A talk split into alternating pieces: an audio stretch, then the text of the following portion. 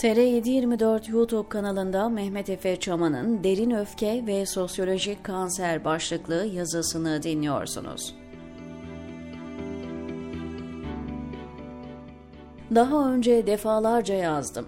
Bir devlet, suçun bireyselliği ilkesini bir kenara bırakarak kolektif cezalandırma yaparsa bu soykırıma varan bir süreci tetikler. Gülen Cemaati, Hizmet Hareketi veya Gülen Hareketi gibi adlarla anılan sivil toplum hareketinin kısaca HH diyelim, Türkiye'de paralel devlet yapılanması, PYD ve Fethullahçı terör örgütü FETÖ ilan edilmesinin ardından kitlesel düzeyde bir takibat politikası ve tenkil başladı.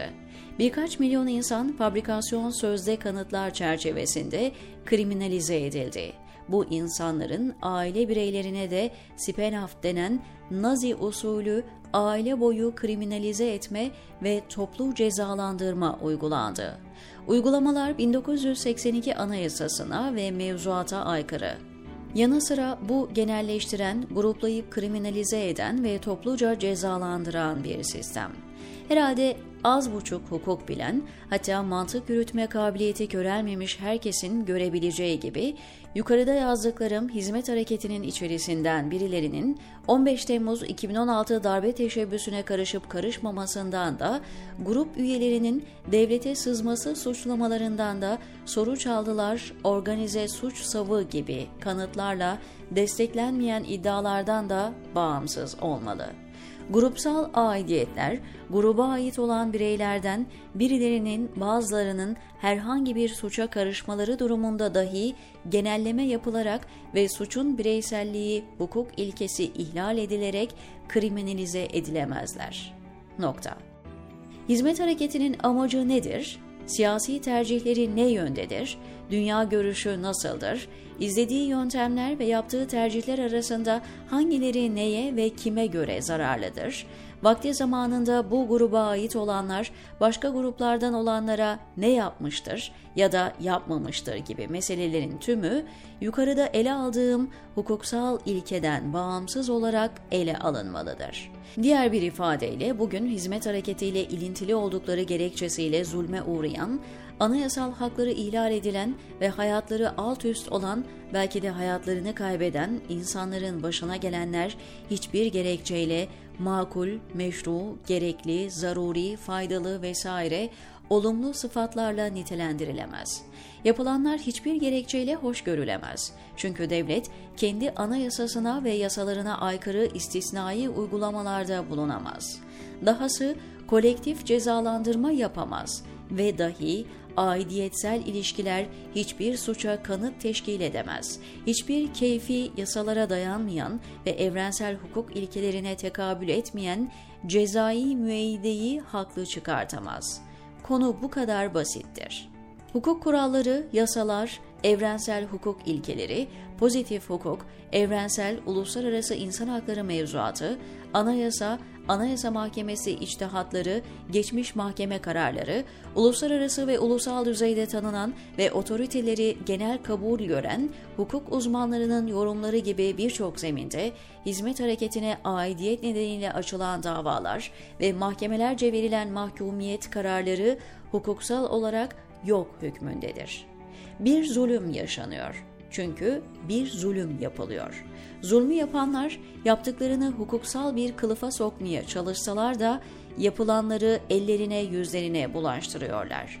Sonunda da dönüp dolaşıp Yassıada Mahkemesi'nin savcılarına yapılan ağır itirafı yapıyorlar. Sizi buraya tıkan güç öyle istiyor.'' kendi anayasasını ve hukuk mevzuatına bile takmayan, hukukla bağını kopartmış, yargı erkini enstrümantalize etmiş, derin devlet kopillerince hukuk siyasetin köpeğidir düsturunca iş gören bir çete var ve herkes bu çetenin devlet olduğunu sanıyor. Her kelle alanın devlet olduğunu sanmak ilkel toplumlara özgü bir tepkidir.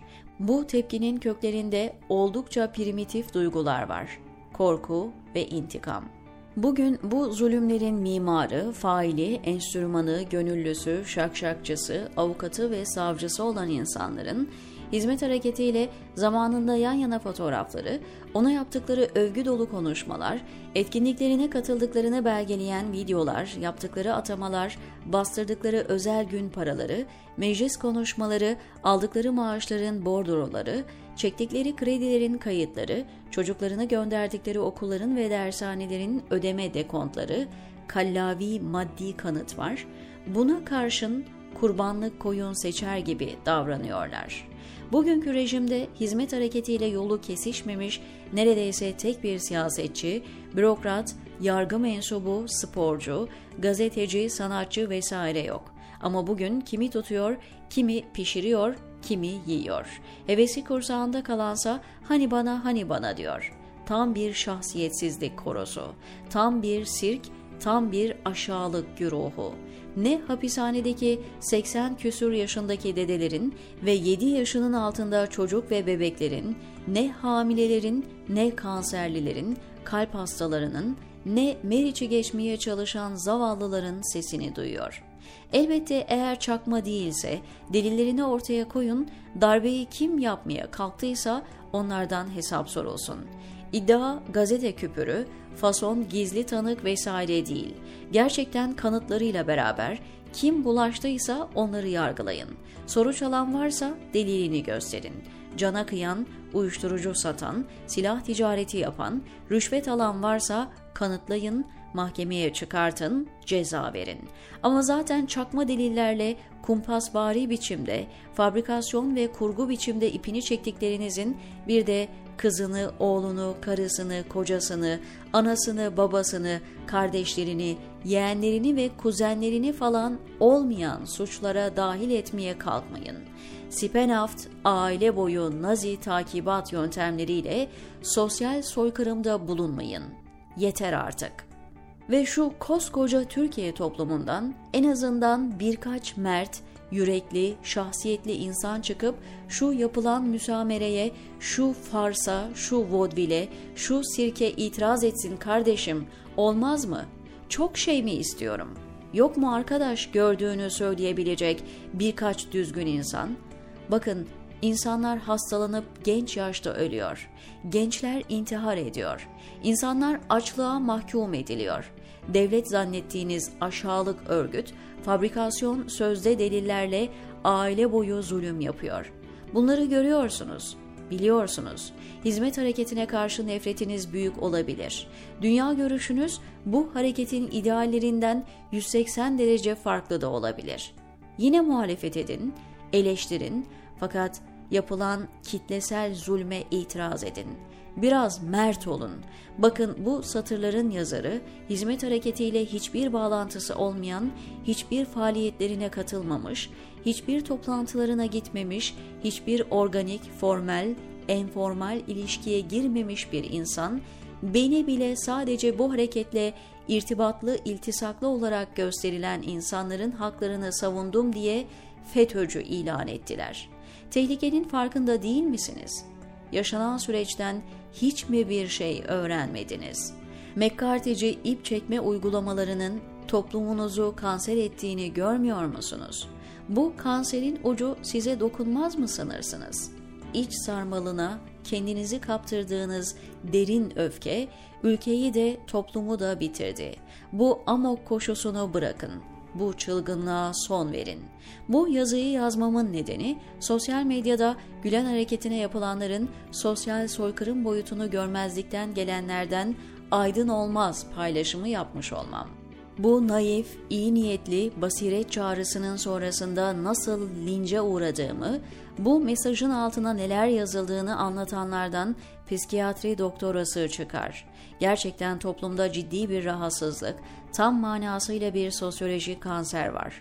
Elbette bu kanser sadece Gülen hareketine yönelik bir hınçla tetiklenmiyor.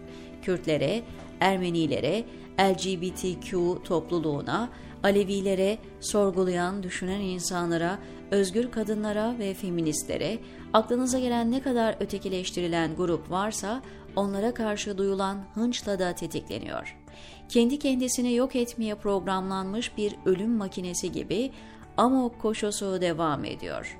Ülke mikro seviyeden makro seviyeye tümüyle çürüyor, kokuyor, sapır sapır dökülüyor.